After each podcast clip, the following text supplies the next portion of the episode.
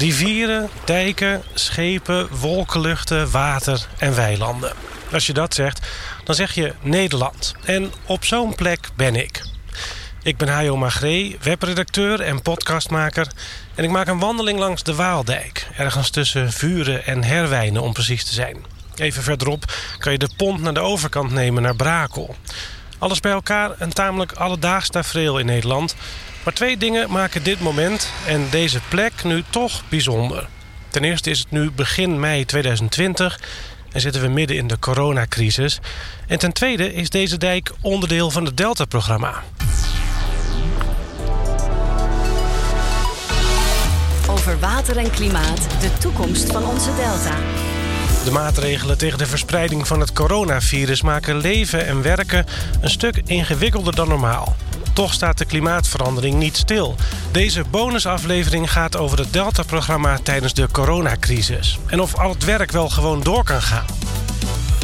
Wat doen we in Nederland om te zorgen dat we droge voeten houden? Hoe zorgen we voor voldoende water in droge tijden?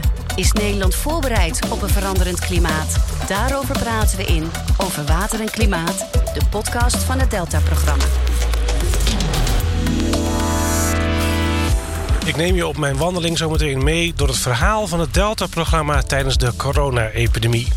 Ik begin straks met de directeur van het waterschap Rivierenland... over de dijkversterking waar nu de plannen voor gemaakt worden. Of zouden moeten worden. Lukt dat wel nu met alle coronamaatregelen?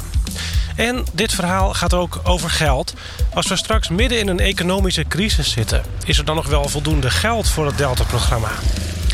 We bekijken het ook van de wetenschappelijke kant. Want nu we minder vliegen en autorijden... is dat natuurlijk goed nieuws voor het klimaat.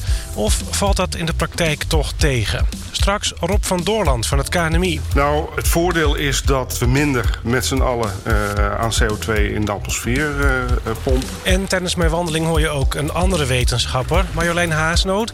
Zij ziet wat overeenkomsten tussen zeespiegelstijging en de coronacrisis. En het afvlakken van die curve, dat is natuurlijk ook uh, uitermate belangrijk voor klimaatverandering. En aan het eind van deze aflevering praat ik met Delta-commissaris Peter Glas, de man aan het hoofd van het Delta-programma.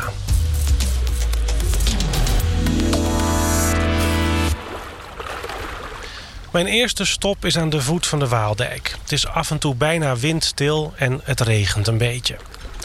Er loopt hier een verhard weggetje de dijk af dat al snel overgaat in een zandpad. Er zijn een paar parkeerplaatsen naast een bruggetje dat naar een drijvende steiger leidt. Het ziet eruit alsof hier in betere tijden wel eens grote rondvaartboten aanlegden. Maar nu is de steiger scheef gezakt. En het hek er naartoe zit dicht met een roestig slot. Hier heb ik afgesproken met iemand die alles weet van deze dijk. Ik ben Jolande van der Meulen en werkzaam als directeur bij het waterschap Rivierenland... en voorzitter van de Graaf Reinhard Alliantie. Vanwege de motregen staat Jolande onder een paraplu. We staan uh, bij de Waal. Ik zie een paar grote schepen langskomen. Links van mij is het veerpontje van uh, Herwijnen naar Brakel. En rechts van mij is het uh, projectbureau van de Graaf Rijnland Alliantie... waar we de dijkversterking van uh, Gorkum naar Waardenburg vanuit aansturen. Nee, je kan het niet zien. Het is een stukje verderop op de dijk. Uh. Jolande van der Meulen van het waterschap Rivierenland. Zij heeft deze plek uitgekozen omdat we hier makkelijk anderhalve meter afstand kunnen houden. Maar dat is niet de enige reden. Deze plek is voor mij uh, belangrijk uh, omdat het aan een rivier is. Ik hou uh, van rivieren en daarom werk ik ook bij het waterschap Rivierenland. Ik vind het mooi om de schepen hier langs zien te komen over de Waal. En uh, alle vogels uh, te zien vliegen. Ik ben bioloog van uh, origine. Dus daar gaat mijn hart wel een beetje sneller van kloppen. Deze plek zie ik wel heel veel stenen liggen en kribben. dus weinig uiterwaard. Dus mijn favoriete plek is echt in een uiterwaarde rondbanjeren. Deze dijk langs de Waal heeft een probleem. Deze dijk is uh, afgekeurd. Uh, wij hebben normen waar we onze dijk aan moeten voldoen. En deze voldoet op dit moment niet aan de normen. Ja, de dijk uh, houden wij altijd nauwlettend in de gaten. Om, zodat de mensen die hier wonen, werken en recreëren... altijd zich veilig kunnen voelen. En op sommige plekken gaan we een dijk versterken. En dat is hier gaande. Een dijkversterking kan je op heel veel verschillende manieren doen. Je kan de dijk verhogen... Uh, je kan de dijk verstevigen. Dat zijn eigenlijk uh, twee manieren om ernaar te kijken. Ja, we hebben hier al een heel plan liggen. Dus uh, de planprocedure is zo goed als afgerond. Ga binnenkort ter inzage en we zijn nu de realisatie aan het voorbereiden. Het werk gaat nu, tijdens de coronacrisis, zoveel mogelijk verder. Maar er zijn wel wat hindernissen. Nou, wat betreft de dijken, de dijkinspecties die gaan gewoon door. Alle buitenwerk gaat eigenlijk gewoon door. We houden netjes de RIVM-richtlijnen in de gaten. We blijven op minimaal anderhalve meter afstand van elkaar. Dus dat soort werk gaat gewoon door. Alle werk wat op kantoor moet gebeuren, doen we op dit moment vanuit huis. Zoveel mogelijk vanuit huis. En uh, we doen dat via bellen, mailen en uh, beeldbellen. We merken wel dat ja, allerlei interne sessies nu wel uh, lastig zijn om te doen. Want uh, beeldbellen kan je veel mee, soms ook veel efficiënter. Maar voor allerlei afstemmingen tussen mensen is het ook ingewikkeld. Tussen verschillende vakgebieden. En ook met, met de burgers die langs de dijk wonen... is het ook natuurlijk ja, op een gegeven moment wel nodig om elkaar weer te zien. De moeilijkheden ontstaan vooral als er mensen met een verschillende expertise met elkaar moeten samenwerken. Die spreken niet altijd helemaal dezelfde taal. En dan is het makkelijker om elkaar in de ogen te kijken en door te vragen dan ja, via een slechte beeldverbinding. Want dat is wel zo. Dat beeldbellen is ideaal, maar ook soms wel ingewikkeld om het heel Nederland dat op dit moment doet. En uh, ook scrum sessies, dat je met elkaar dingen schrijft op op de muur, zeg maar, op een poster op de muur. Ja, dat is toch wel ingewikkelder met beeldbellen om te doen. Op dit moment levert corona voor deze dijkversterking nog geen vertraging op. Maar als de beperkingen lang van kracht blijven, dan verandert dat. Als het heel lang gaat duren, denk ik wel. Maar wij zetten alles op alles om uh, vertraging uh, te voorkomen. Uh, in onze projecten in het algemeen zijn vergunningen, zoals de Natuurbeschermingswet, er zijn uh, op dit moment meer vertragend nog steeds. Uh, de stikstof, uh, het stikstof-issue, dat speelt meer door in, in de voortgang van onze projecten. Maar corona gaat wel tot vertraging leiden op het moment dat het langer gaat duren, is mijn verwachting. Maar het waterschap Rivierland is niet bij de pakken neer gaan zitten. Ehm, nou, we draaien het continu om, zeg maar. Dan zeggen we wat kan er wel en hoe kunnen we de vertraging voorkomen. Want uh, vaak zijn uh, dingen die misschien al een beetje lastig waren, worden nu nog lastiger omdat je meer op afstand staat. Dus daarom gaan we ook aan het nadenken um, om toch op anderhalve meter ja, in, in kleine aantallen toe te gaan staan. Dat mensen gaan samenwerken ter plekke. Het kan op kantoor zijn of elders. Uh, mag ook buiten als het mooi weer is. Het is misschien anderhalve meter makkelijker te aan te houden. Maar je merkt ook door dat beeldbellen, dat uh, misschien is dat al een innovatie op zich, dat we dingen ook wel sneller kunnen doen en sneller kunnen afstemmen, sneller to the point komen. Dus um, ja, we maken gewoon gebruik van de huidige middelen. En dit project staat erom bekend dat wij, uh, laten ons niet gek maken. Wij zorgen gewoon dat we door en door en door gaan, zo, zodat het project op tijd afkomt. Nou is deze dijk weliswaar afgekeurd, maar de mensen die erachter wonen lopen niet onmiddellijk gevaar.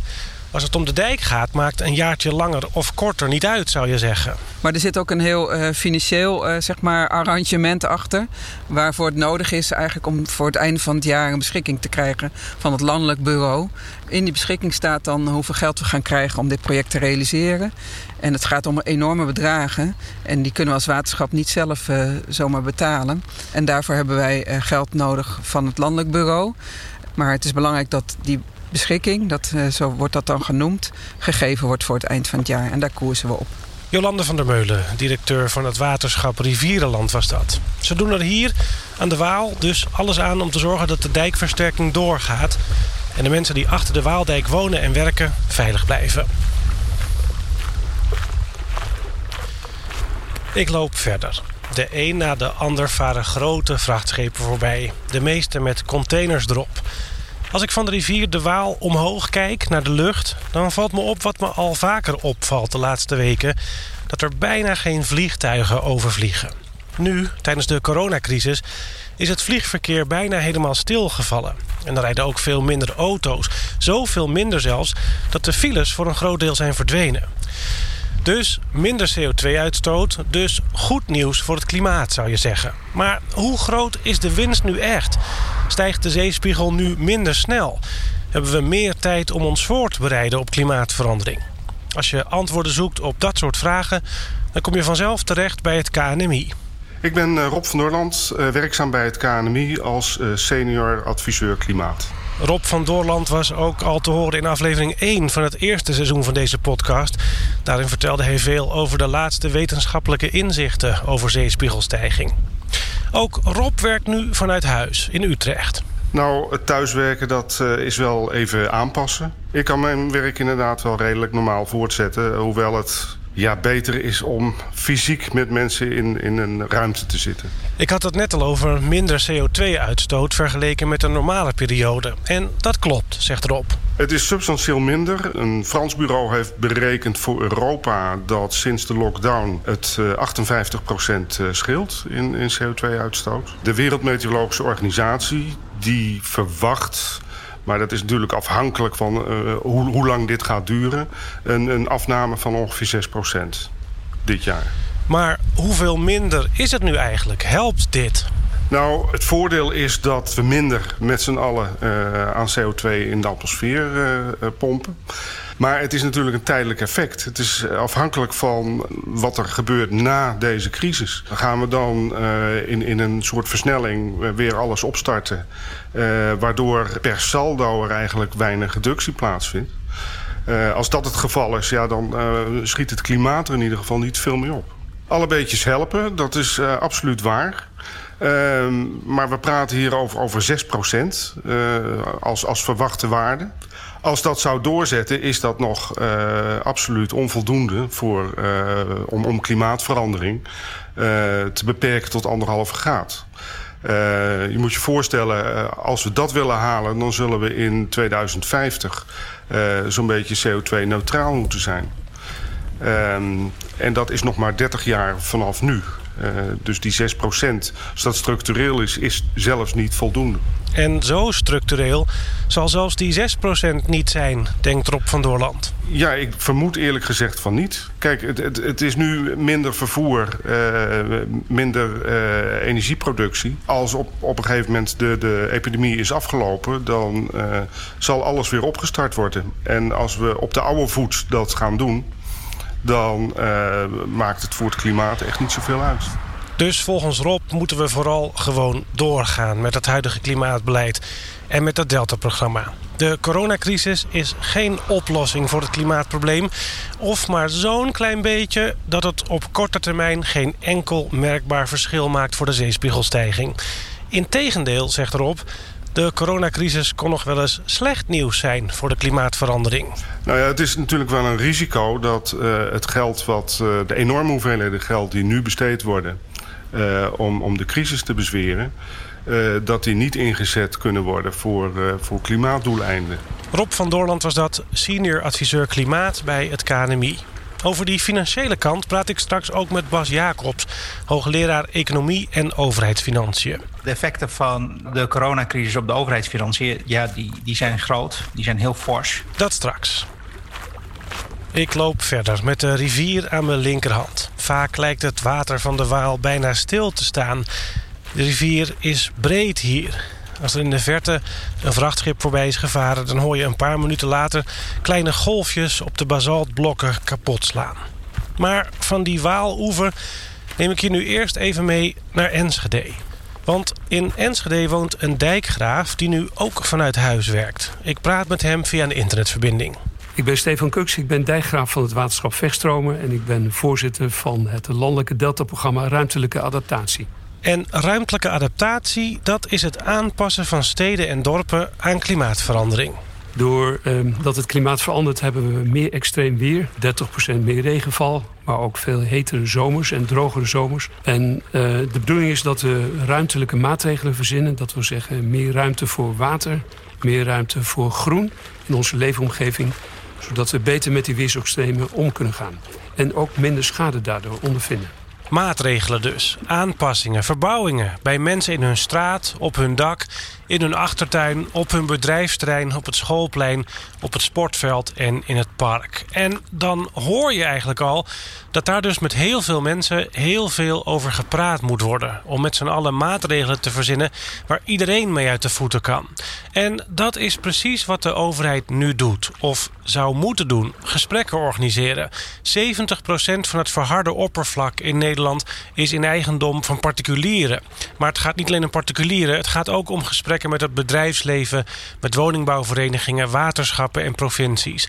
En die gesprekken die heten de risicodialoog. De bedoeling van de risicodialoog is dat we dan in gesprek komen wat we daarna moeten doen. Sommige risico's zijn niet heel groot, maar sommige risico's geven wel heel veel schade. De vraag is dan, moeten we daar preventief iets aan gaan doen? Moeten we ehm, bijvoorbeeld in jouw buurt eh, de straat echt anders gaan inrichten? Zorgen dat er meer waterdoorlatend straatdek is. En uh, die risicodialoog gaat dus over het uh, met elkaar ontdekken welke maatregelen moeten we doen. En wat gaan die maatregelen dan kosten? Hebben we dat geld er ook voor over? En die gesprekken over al die plannen en maatregelen voeren... tja, dat gaat nu even niet zo goed. Want je kunt niet zo makkelijk met z'n allen aan een grote ronde tafel gaan zitten. Ja, dat zouden inloopbijeenkomsten zijn geweest. We hebben dan een ruimte waar we kaarten aan de muur hangen... waar je precies kunt zien hoe het gebied uitziet, uh, wat aan de hand is... met uh, misschien wel honderd mensen die kunnen inlopen... Ja, dat is heel moeilijk om digitaal te doen. Het wordt gemakkelijker als je afschaalt naar kleinere bijeenkomsten. Groepen van uh, maximaal 10 mensen zou wel weer digitaal kunnen. Maar dan moet je ook precies weten wie je rond de tafel wil hebben. En um, nou, dit is een van de opties. Dus er zijn gebieden in Nederland waar al geëxperimenteerd wordt met digitale risicodialogen. Dat betekent in kleine groepjes en dan inderdaad online een gesprek met elkaar voeren. Maar als je tien risicodialogen met tien mensen moet voeren... in plaats van één grote met honderd mensen... dan kost dat meer tijd. En dus loopt het hele proces vertraging op. Ja, wat we niet willen is dat we een uh, lichte versie doen van de risicodialoog. Hij moet wel heel gedegen plaatsvinden. Dus in allerlei kleine stapjes uh, heb je meer tijd nodig... om uiteindelijk de grote stap die beoogd wordt te kunnen maken. Dat kost meer tijd, maar we weten het ook nog niet goed. Laat ik dat er eerlijk bij vertellen. Dus we kunnen pas aan het eind van het jaar zien wat, uh, wat de stand van zaken is. Maar om dat niet af te wachten, hebben we nu toch het advies door het hele land om maar te proberen of je toch niet in kleine stapjes uiteindelijk er kunt komen. Het is dus vooral een organisatorische kwestie. Hoe je die risicogesprekken, die gesprekken over het aanpassen van de stad aan klimaatverandering gaat organiseren tijdens de coronacrisis. Je kunt volgens dijkgraaf Stefan Kuks in ieder geval niet zeggen... het aanpassen aan klimaatverandering is even minder belangrijk geworden nu met corona. De schade als we niets doen gaat namelijk hoe dan ook komen. Dus je kunt het ook zien als een kans. Als we toch uh, de economie weer goed op gang moeten helpen... dan ligt er ook een kans voor aannemers, voor de hele bouwsector, voor hoveniers... om ook uh, via dit soort maatregelen ook werk te houden. Dus ik zou willen zeggen, uh, gebruik de kans die in dit Delta-programma ligt ook... om um, de economie aan de gang te houden. En ook om juist deze sectoren in de economie ook uh, aan het werk te houden. Stefan Kuks was dat, voorzitter van de stuurgroep Ruimtelijke Adaptatie... en dijkgraaf bij het waterschap Vechtstromen. De coronacrisis moet dus niet gaan concurreren met de klimaatcrisis, zegt hij. Sterker nog, van wetenschapper Marjolein Haasnoot hoor je straks dat de coronacrisis en de klimaatcrisis een beetje op elkaar lijken. Ik keer om en begin aan de terugweg van mijn wandeling, nu met de rivier aan mijn rechterhand. Die risicodialogen waar we het net over hadden... zijn onderdeel van het Delta-programma Ruimtelijke Adaptatie. Maar er zijn nog twee Delta-programma's. Eén daarvan is het Delta-programma Waterveiligheid. Dat gaat dus over dijken, dammen en duinen. En daar hebben we het eigenlijk ook al over gehad... met Jolanda van der Meulen aan het begin van mijn wandeling. Bij het Delta-programma Waterveiligheid gaat het werk in de uitvoering gewoon door... Bij projecten die in de fase van het plannen maken zitten... is er wat kans op vertraging als de coronacrisis langer duurt. Maar we hebben in Nederland zo'n goed beeld van de toestand van onze waterkeringen... dat niemand zich nu door corona meteen zorgen hoeft te maken... over de veiligheid achter die dijken. En dan het laatste onderdeel van het Delta-programma, de zoetwatervoorziening. Dat gaat dus over het water voor de landbouw, de natuur en de industrie. En daar is de stand van zaken eigenlijk een beetje hetzelfde als bij waterveiligheid. Projecten die in de uitvoering zitten lopen gewoon door. En projecten die nog vooral in de overleggen en plannen maken fase zitten... die lopen misschien wat vertraging op... doordat het voeren van overleg nu lastiger gaat, nu met corona. Iemand die betrokken is bij het Delta-programma Zoetwater vertelde me trouwens dat ze ook nu online werkbezoeken doen. Door gebruik te maken van bijvoorbeeld Google Maps en Street View. Nu het geld. De Nederlandse economie krimpt dit jaar met 7,5 procent. Dat denkt het Internationaal Monetair Fonds, het IMF. Als de coronapandemie in de loop van dit jaar een beetje voorbij zou zijn, begint de economie dan volgend jaar in 2021 weer te groeien. Maar dat is natuurlijk nog lang niet zeker. De coronacrisis kan ook langer aanhouden en dan blijft de economische crisis ook langer duren. Volgens het IMF is de recessie zwaarder dan in 2008, direct na de bankencrisis. En dan kun je je afvragen of dat niet heel slecht nieuws is voor de aanpak van klimaatverandering. De overheid steekt nu heel veel geld in steunmaatregelen. Is er dan straks nog wel voldoende geld voor klimaataanpak? Voor de maatregelen in het Delta-programma? Voor het antwoord op deze vraag kwam ik terecht bij de Rotterdamse Erasmus Universiteit.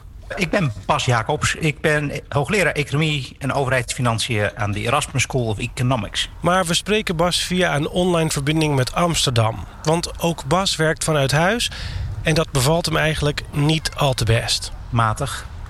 Ik bedoel, ik werkte al vrij veel thuis. Uh, want dan word ik niet gestoord. Maar uh, ik mis mijn collega's wel en vooral mijn sociale contacten.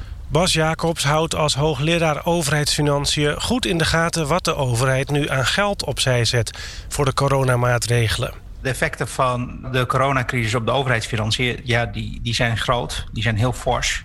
Ik denk dat overheden het nu goed doen door de overheidstekorten te laten oplopen. Dat is wat overheden moeten doen in tijden van crisis. En dit is een serieuze en grote crisis. En de overheid moet nu de staatsschuld gebruiken om de kosten en de schade van die crisis door de tijd heen uit te smeren. Dat is namelijk de functie van de staatsschuld, vindt Bas Jacobs. De staatsschuld wil je gebruiken om grote economische schokken door de tijd heen te verdelen. En dit is ook niet alleen economisch goed, maar het is ook, denk ik, vanuit rechtvaardigheidsoogpunt. En ik denk dat je er een goed moreel standpunt is dat iedere generatie die getroffen wordt door een ramp of door een oorlog, een deel van de kosten daarvan zal willen delen met de generaties die, die beter af zijn.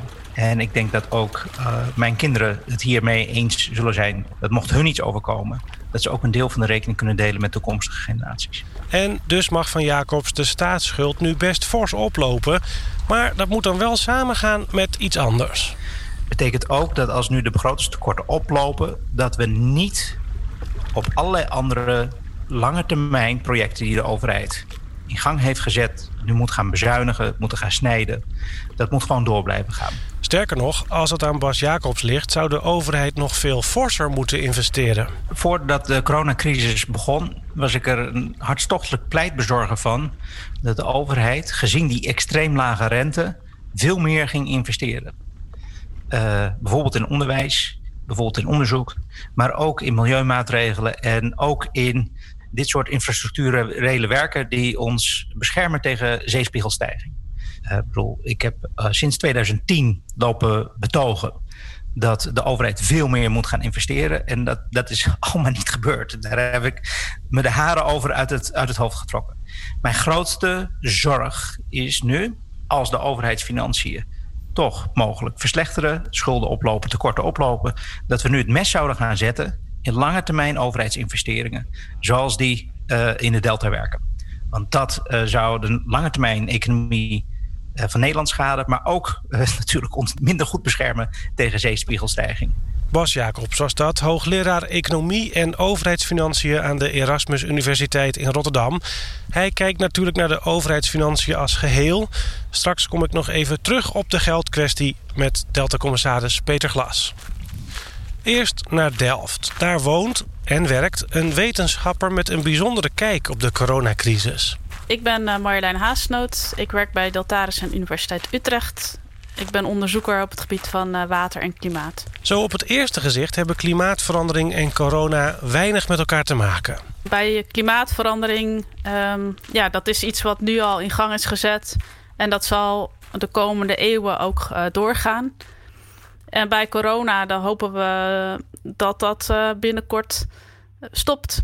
Of in ieder geval dat we een vaccin vinden en dat we het voorlopig dat virus in, in bedwang kunnen houden. Maar Marjolein kijkt met de bril van een klimaatwetenschapper naar de coronacrisis. En ik moet er van Marjolein echt bij zeggen dat ze zich geen corona-expert wil noemen. Maar Marjolein ziet wel degelijk overeenkomsten tussen corona en klimaatverandering. Nou ja, wat je ziet is dat bij corona uh, is natuurlijk sterk gevraagd naar hoe kunnen we die um, curve afvlakken. En daar is veel over gesproken en uh, dat is ook waarom we de maatregelen hebben genomen. En het afvlakken van die curve, dat is natuurlijk ook uh, uitermate belangrijk voor klimaatverandering. Bijvoorbeeld uh, voor zeespiegelstijging is het heel belangrijk om ervoor te zorgen dat die zeespiegel niet te snel gaat en dat die op een gegeven moment afvlakt. En dat komt erop neer dat we um, wereldwijd, en dat is een andere overeenkomst, wereldwijd moeten met z'n allen proberen om die klimaatverandering te beperken en onze emissies uh, beperken. En dat we als mensen nog steeds niet in de toekomst kunnen kijken, is een andere overeenkomst. Ja, zowel bij corona als bij klimaatverandering uh, is, ja, is de onzekerheid over hoe het zal gaan verlopen in de toekomst.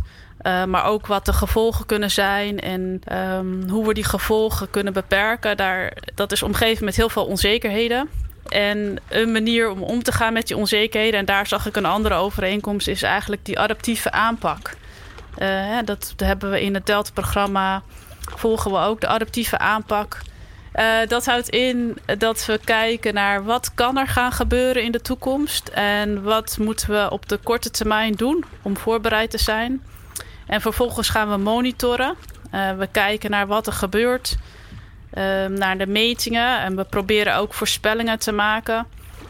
En vervolgens kijken van nou, hoe kunnen we onze maatregelenpakket aanpassen. En dat zie je zowel in de corona, maar dus ook bij klimaatverandering... is dat je kijkt van... Uh, uh, hoeveel uh, klimaatverandering kunnen we krijgen in de toekomst? En wat moeten we doen op de korte termijn om voorbereid te zijn? En langzamerhand proberen we die maatregelen te implementeren en bij te stellen, uh, gegeven de nieuwe informatie die we krijgen. Kortom, hoe ga je om met voortschrijdend inzicht? Je leert over de tijd. Uh, en dat zie je bijvoorbeeld met de gegevens die we krijgen uh, over de ziekenhuisopnames. Uh, we leren over hoe andere landen omgaan met deze situatie. Welke, welke maatregelen ze nemen en hoe effectief die blijken. En vervolgens zie je dat we onze strategie daarop aanpassen en blijven meten of het voldoende is of dat we meer moeten doen of dat we meer ruimte hebben om um, los te laten. Water- en klimaatonderzoeker Marjolein Haasnoot was dat. Ze noemde als overeenkomst tussen corona en het Delta-programma trouwens ook nog... dat in beide gevallen er zo'n belangrijke rol is voor de wetenschap. Voor alle beslissingen zijn we afhankelijk van wetenschappelijke kennis. Deltares en de universiteiten in het geval van klimaatverandering... en het RIVM in het geval van corona. Terwijl ik nog steeds langs de rivier wandel, af en toe over een graspad, dan weer door rivierzand, dan weer door grind, zie ik in de verte het beginpunt van de wandeling alweer opdoemen. De krakende steiger. Maar eerst neem ik je nog even mee naar Bokstel. Daar woont Peter Glas, de Delta-commissaris. En in die functie staat hij aan het hoofd van het Delta-programma. Hoe bevalt het thuiswerken? Ja, uh, ik kom uh, de tijd goed door. Uh, maar ik mis vooral het contact. Contact met, met de bestuurders, contact met de collega's, de staf, de mensen op het ministerie en de werkbezoeken. En, en, en dat, dat, ja, dat mis ik wel. Ik spreek Peter in de tuin van zijn huis, netjes op anderhalve meter afstand. Ook voor Peter is het werk veranderd nu. Ja, wat in eerste plaats opvalt is natuurlijk dat we met z'n allen thuis zitten. En dat de signalen die uh, tot me komen, ja, dat die indirect uh, naar me toe komen. Want ik ben niet meer in staat om op werkbezoek te gaan. Er zijn geen vergaderingen meer uh, in het land. dat mis ik wel. maar desalniettemin hoor je natuurlijk wel het nodige. Nou, dat is een combinatie van zorg. Zorg over natuurlijk de mensen, de uitvoering, uh, de capaciteit. Uh, kunnen we het allemaal bemensen. maar ook zorg over belemmeringen die eventueel kunnen optreden. Maar ja, dat is een onzekerheid die veel bedrijven en organisaties, families met elkaar delen. Ja, dat geldt ook voor het Delta-programma en alle uitvoering die daarbij hoort belemmeringen, zei Peter. En die zitten hem vooral in het feit dat het voeren van overleg nu moeilijker is geworden. Ja, uh, kijk, op het moment dat je natuurlijk een, een project uh, in uitvoering wil gaan nemen, bijvoorbeeld een dijkversterkingsproject, dan heb je natuurlijk met de omgeving te maken. En in het voortraject zijn er tal van momenten dat er moet worden nagedacht over van, goh, ja, de dijk die moet versterkt, maar spelen hier ook nog andere dingen in dit gebied? Kunnen we dingen meekoppelen? Er wonen mensen langs de dijk. Of er zijn bedrijven, er is infrastructuur. Dus dat is aanleiding voor tal van overleg. Ja, en dat is op dit moment natuurlijk gemankeerd. Je kunt maar zoveel via een videoconference. Dus dat echte contact in de voorbereiding om te komen tot gedragen, haalbare, uitvoerbare projecten, dat is één aspect. Uh, nou ja, tegelijkertijd. Uh, als het om de uitvoering gaat waar de schep in de grond moet, hadden we al een paar uh, issues. ik noem een stikstof, ik noem een PFAS. Ja, en dan ontstaat natuurlijk al gauw het gevoel van: goh, het telt allemaal op. kan dat nog wel? Maar we hoeven ons daar niet direct zorgen over te maken. Nou, ik denk dat corona als zodanig geen extra fysieke opgave geeft die relevant is voor het Delta-programma. Het is, heeft vooral met die uitvoering te maken en allerlei beleidsvoorbereidende processen die op dit moment moeizamer zijn, laten we wel zijn. Um, dus in die zin denk ik dat niet. Um, het is ook zo dat we natuurlijk een Delta-programma hebben ontworpen wat adaptief is, wat vooruitkijkt. Ik zeg altijd één, twee, drie generaties. Maar ja, 2050 is een belangrijk uh, eikpunt in de tijd. Uh, ja, we hebben 30 jaar te gaan. Dat is een, uh, dat is een generatie. Um, en we kunnen het dus ook inhalen als het nu voor de korte termijn uh, wellicht wat, wat in de vertraging belandt. Dus daar ben ik op zichzelf ben ik daar nog optimistisch over. Er moet dan wel hier en daar een tandje bij. Je moet het inhalen. En de opgave als zodanig, los van de coronacrisis, ja, die worden er ook bepaald niet minder op. dat merken we ook, ook dit voorjaar weer, bijvoorbeeld met droogte.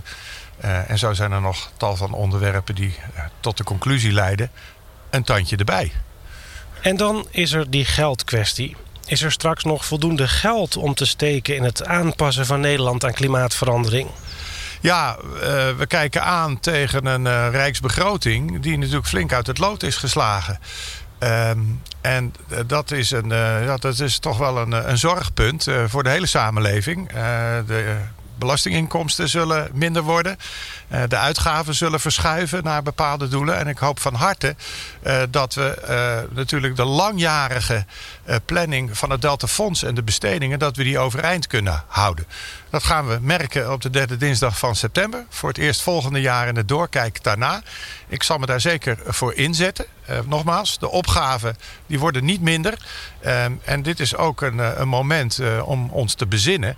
En te bedenken hoe kunnen we op een duurzame, klimaatbestendige, waterrobuuste manier... die toekomst na corona ook tegemoet zien. Dus uh, ja, ik zal er alles aan doen. Uh, maar het is in handen ook natuurlijk van de politiek uiteindelijk om daarover te beslissen. Over dat geld maakt Delta-commissaris Peter Glas zich op dit moment dus nog niet al te veel zorgen. Hij ziet bovendien ook om zich heen dat veel mensen zich afvragen of er in de coronacrisis niet ook een kans zit voor de toekomst.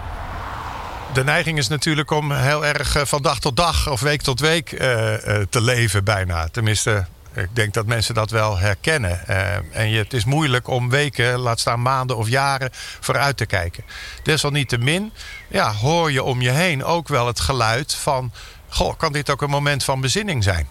Kan het ook een moment zijn dat we ons fundamenteel uh, nog eens te raden gaan bij elkaar, bij onszelf. Van hoe willen we wonen? Waar willen we wonen? Uh, hoe kunnen we uh, die klimaatverandering tegemoet treden, maar ook nog een aantal andere opgaven. Die ook deels verbonden zijn aan de wateropgave. De landbouwtransitie, de natuurontwikkeling, verbonden ook aan stikstofproblematiek, maar ook de energieopgave. Dus dat zijn verbonden maatschappelijke doelen. En misschien is een moment van contemplatie, van rust en nadenken ook nog wel bevorderlijk uh, voor de samenhang. Uh, uh, straks in, in de, ja, de definitie van wat willen we nou met z'n allen en, en dan de uitvoering. Dus ik heb daar wel enig optimisme bij. En ik wil ook graag gaan organiseren het komend jaar. dat we daar eens met een aantal mensen samen over nadenken. Delta-commissaris Peter Glas was dat. Van Bokstol keren we dan nu weer terug naar de Waaloever... in de buurt van het pontje tussen Vuren en Brakel. Naar Jolande van der Meulen, directeur van het waterschap Rivierenland... waar mijn wandeling ook mee begon. Zij kijkt vooral met bewondering naar wat er de afgelopen periode wel gelukt is. Ik ben super trots op al mijn collega's. Uh, dat ze ook in deze tijden gewoon doorgaan. Uh, de mussusratten worden ja, gevangen. de dijken blijven geïnspecteerd worden. Op de zuiveringen werkt iedereen door. Ondanks dat er misschien een bericht was van dat dat coronavirus ook op de zuiveringen aanwezig is. We nemen goede voorzorgmaatregelen. ik vind de positiviteit van iedereen echt top. Dus en vooral mensen met jonge kinderen, die staan voor een grote uitdaging. En ik zou zeggen, geniet er ook van dat, dat je nu meer thuis bent met je kinderen. En dat werk gaat ook gewoon door. Maar dan maar iets meer met mate. En daarmee ben ik aan het eind van mijn wandeling langs de Waaloever. En aan het eind van dit verhaal over het Delta-programma tijdens de coronacrisis. Dit was een bonusaflevering van Over Water en Klimaat, de podcast van het Delta-programma. Een hartelijk dank aan iedereen die voor en achter de schermen aan deze aflevering heeft meegewerkt. Als je meer wil weten over het Delta-programma, dan kijk je op deltacommissaris.nl. En meer informatie over alle sprekers in deze podcast vind je in de show notes. Dat is de tekst bij deze aflevering in je podcast-app. Heb je nog een vraag? Dan kun je mij mailen op podcast.deltacommissaris.nl. En vergeet niet om je gratis op deze serie te abonneren met de subscribe of abonneerknop. Dan verschijnen nieuwe afleveringen automatisch in je podcast-app. Mijn naam is Hajo Magree. Voor nu bedankt voor het luisteren en wie weet tot in seizoen 2.